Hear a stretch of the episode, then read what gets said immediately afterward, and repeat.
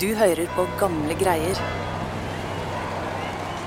Det er en tidlig septemberdag i 1896, og ordfører Christian Michelsen skuer utover sin elskede hjemby Bergen, som er dekket i rødt, hvitt og blått. Men det er ikke den hummerelskende, champagnedrikkende ordføreren folk har kommet for å hylle.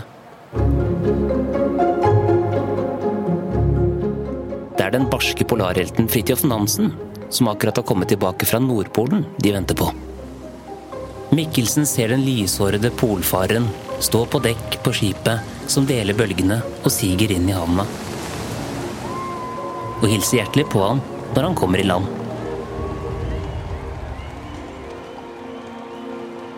Det ingen av dem vet, er at de to så ulike herrene bare få år senere skal måtte slå kreftene sammen i et farlig spill om Norges framtid.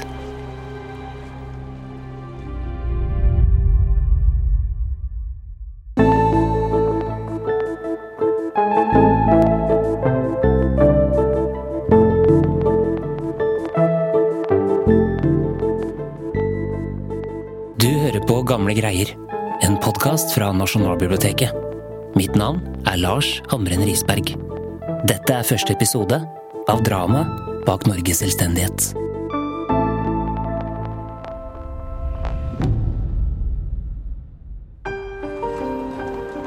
Det er 13. mars 1905. Og en bredskuldra mann i slutten av 40-åra har akkurat entret statsministerboligen i Parkveien 45 i Kristiania. Han har stritt trekanta skjegg og en lang nese som karikaturtegnerne elsker å overdrive. Og denne mannen heter Christian Michelsen, og han er Norges nye statsminister.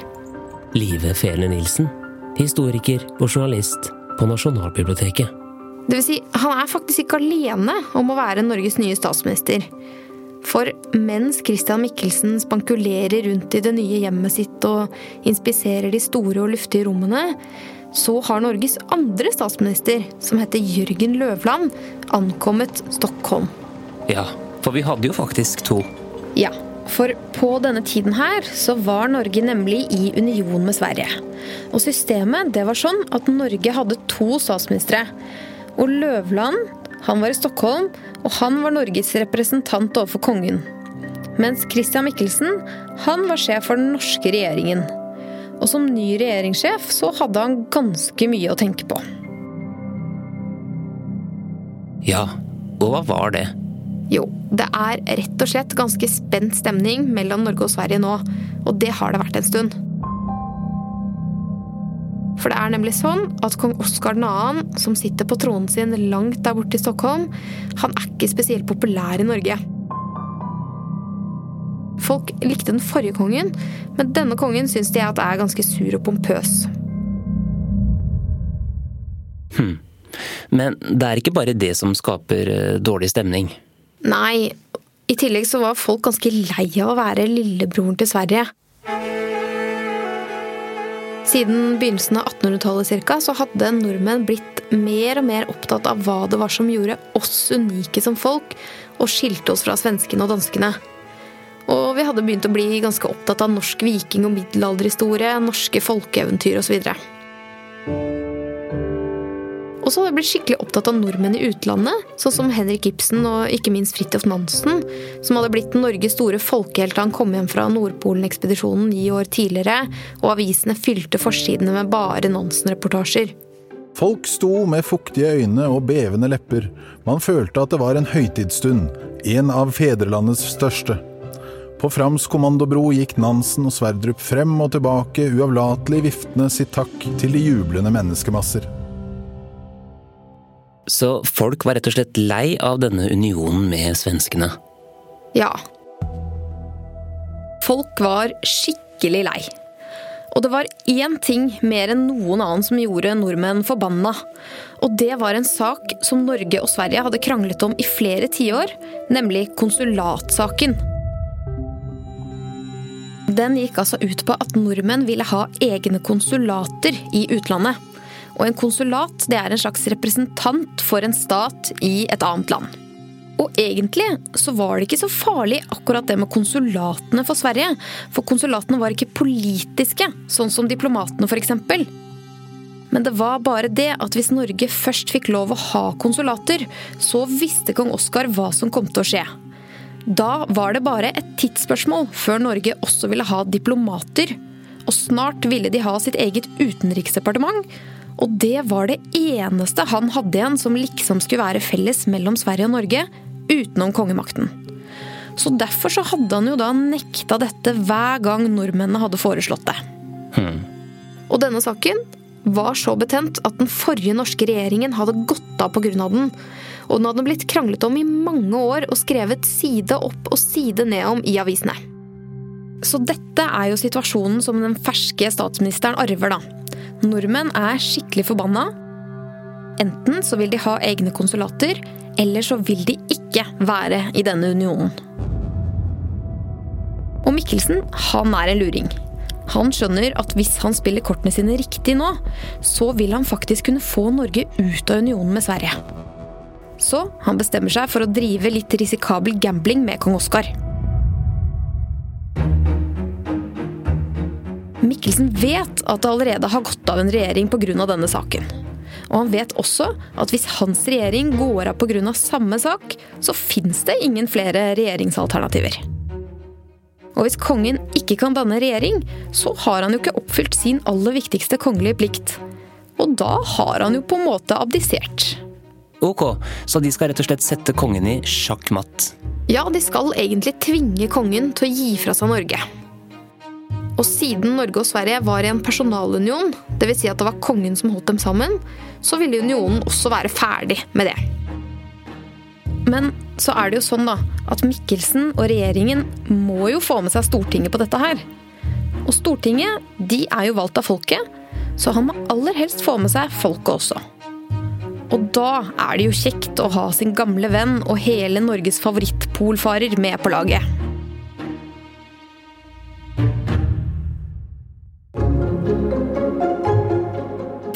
Fridtjof vet du. Han har folkets hjerter i sin hule hånd. For der Mikkelsen er en knallhard realpolitiker og kan flytte fjell med lovforslag og hard politikk, så kan Nansen gjøre det mulig ved å rokke ved selve folkesjela.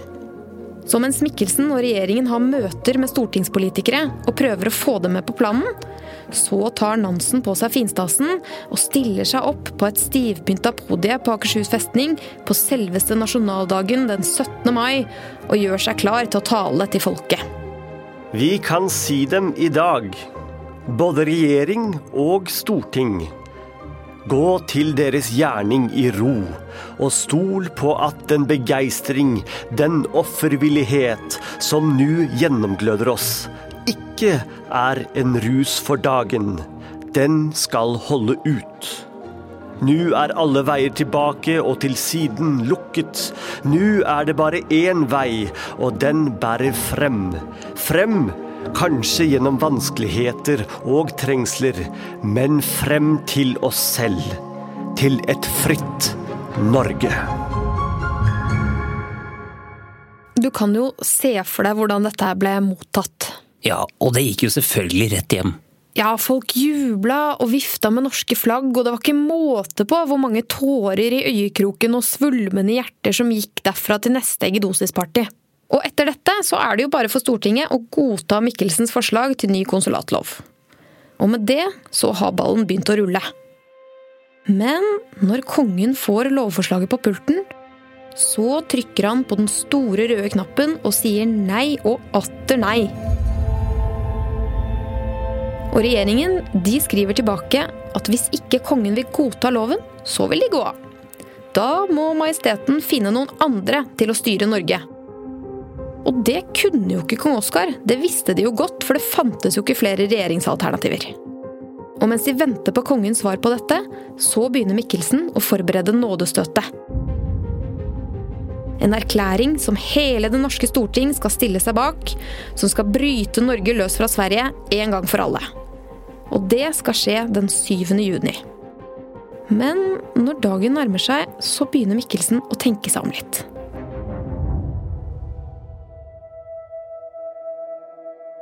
hva er det egentlig som vil skje den dagen Norge blir selvstendig?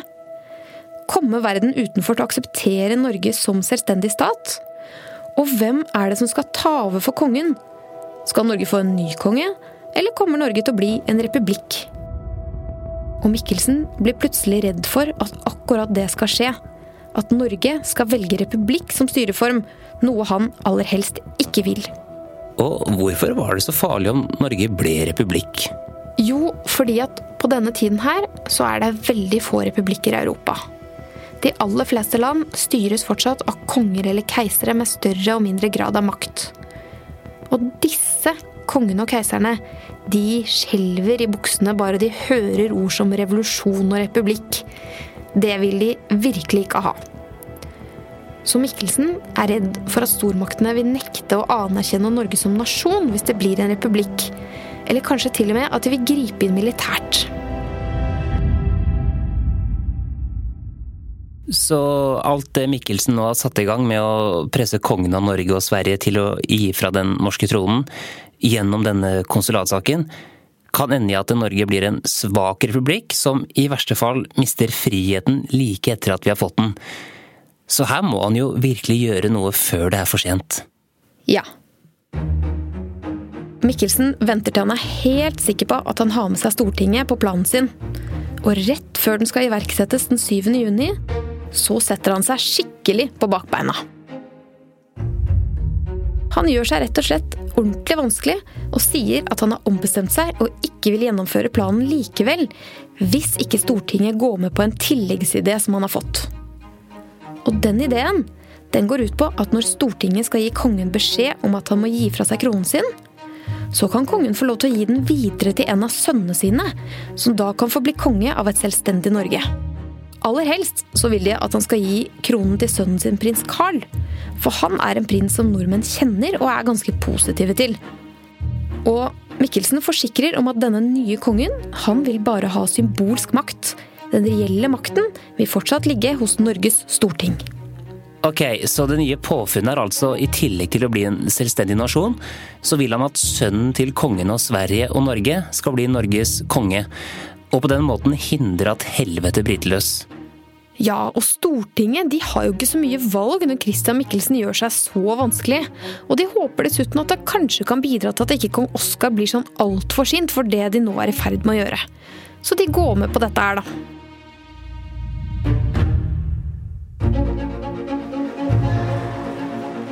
Den 7. juni 1905, klokka fem over halv ti om formiddagen, så var hele Norges storting samlet sammen med regjeringen under lysekronen i den staselige stortingssalen.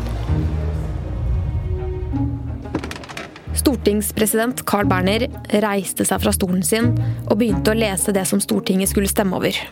Da statsrådets samtlige medlemmer har nedlagt sine embeter, da Hans Majestet Kongen har erklært seg ute av stand til å skaffe landet en ny regjering, og da den konstitusjonelle kongemakt således er trådt ut av virksomhet Det betyr altså at kongen har sluttet å være Norges konge, og at unionen er oppløst.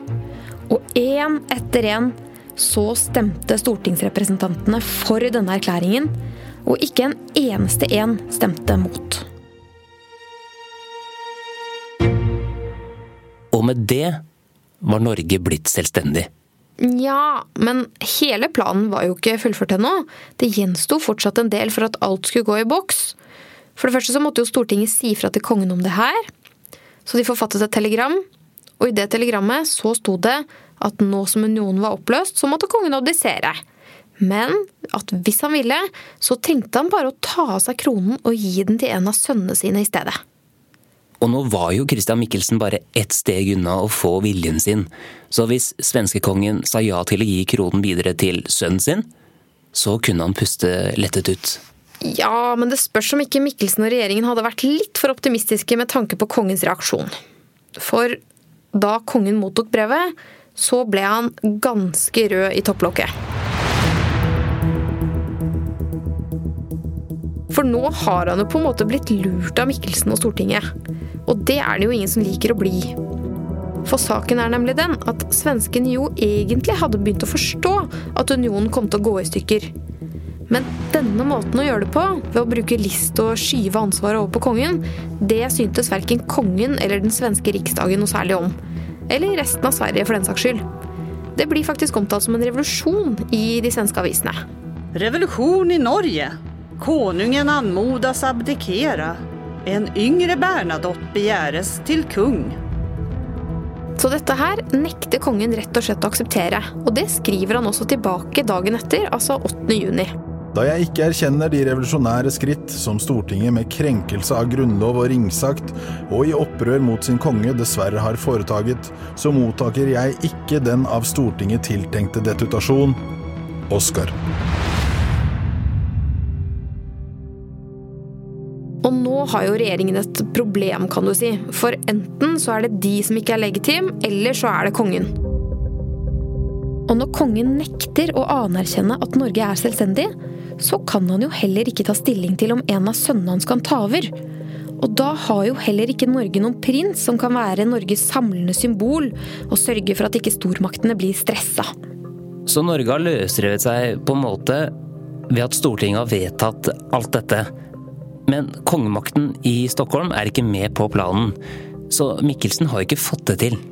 Nei, han tenker som så at han må få på plass en plan B fortere enn svint, før republikanerne begynner å rope.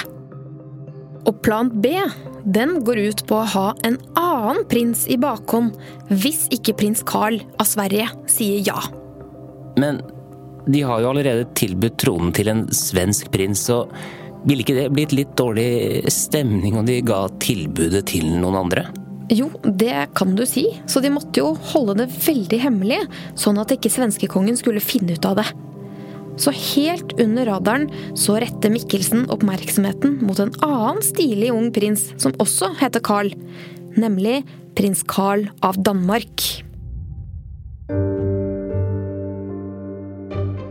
Mikkelsen vil med andre ord sjekke stemninga nede i København for at en ny danske skal sitte på den norske tronen.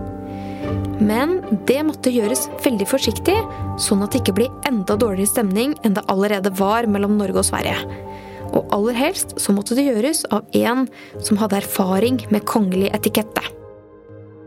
Og da har det seg sånn at Mikkelsen har en ivrig alliert i diplomaten som kalte seg for baron Fritz Wedel Jarlsberg. Selv om Norge jo hadde kvittet seg med adelen, men han likte å beholde den tittelen.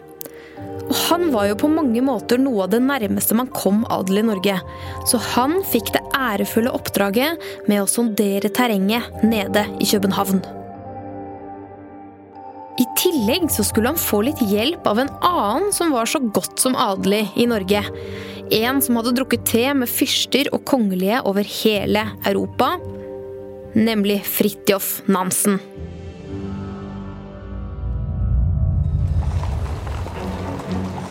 Og fra slutten av juni og gjennom hele sommeren så er baronen og polfareren å se i gatene i København. For der, i en flott utsmykket leilighet i Bredegade 42 i København, bor prins Carl med sin engelske prinsesse Maud og deres lille sønn prins Alexander. Og Nansen og Wedel Jarlsberg har flere møter med Carl hvor de ymter frampå om ikke han kunne tenke seg å bli konge i Norge. Ja, og det er jo litt av et tilbud. Ja, og selv om ikke Carl i utgangspunktet er sånn supergira på denne norske revolusjonstronen, så er det en del ting som taler for.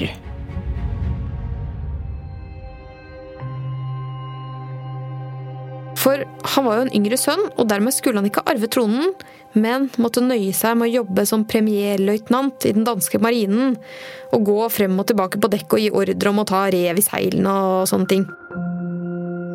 Og prinsesse Maud hun er i hvert fall lei av situasjonen sånn som den er. For hun hater å være i Danmark. Hmm. Hun er ikke noe glad i været, hun syns det blåser for mye. Hun føler seg mye syk og er nok ganske ensom også. Så Nansen og Wedel Jarlsberg blir ganske overbevist om at dette paret her er et veldig godt alternativ. Men det var jo ikke sånn at han bare kunne bestilles, denne prinsen. For det første så måtte han få lov av bestefar danskekongen. Og det var faktisk ikke bare bare. For i danskekongens øyne så var ikke den norske tronen ledig.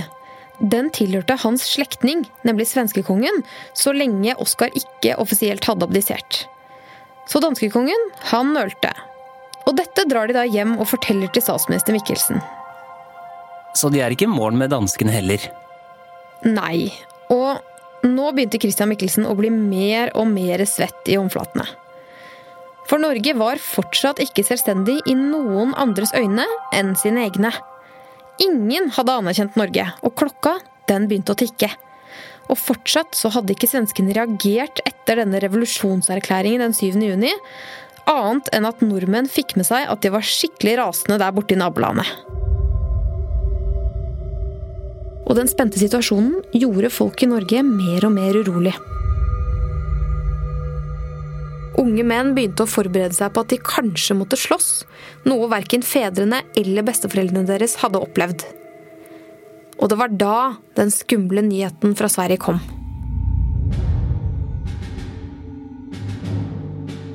Den svenske riksdagen hadde bevilget 100 millioner kroner til militær opprustning.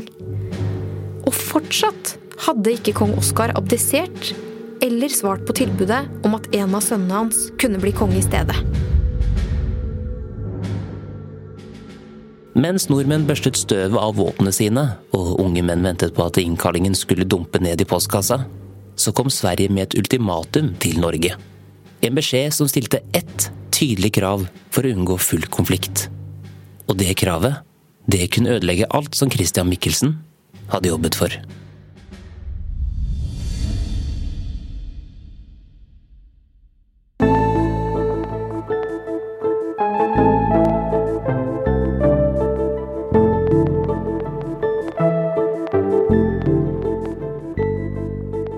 Hør resten av historien i neste episode av Gamle greier.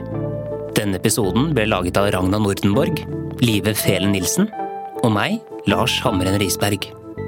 Den viktigste kilden til episoden er Tor Boman Larsens biografier om Håkon og Maud. Vi har også brukt avisarkivet og lydarkivet her på Nasjonalbiblioteket, Store norske leksikon og nettsiden norgeshistorie.no. Du har hørt musikk fra Epidemic Sound, og du har hørt musikk fra Therese Aune. Du finner mer av Thereses musikk på thereseaune.com, eller der du strømmer musikk til vanlig. Mitt navn er Lars Hammeren Risberg på Hjemmer.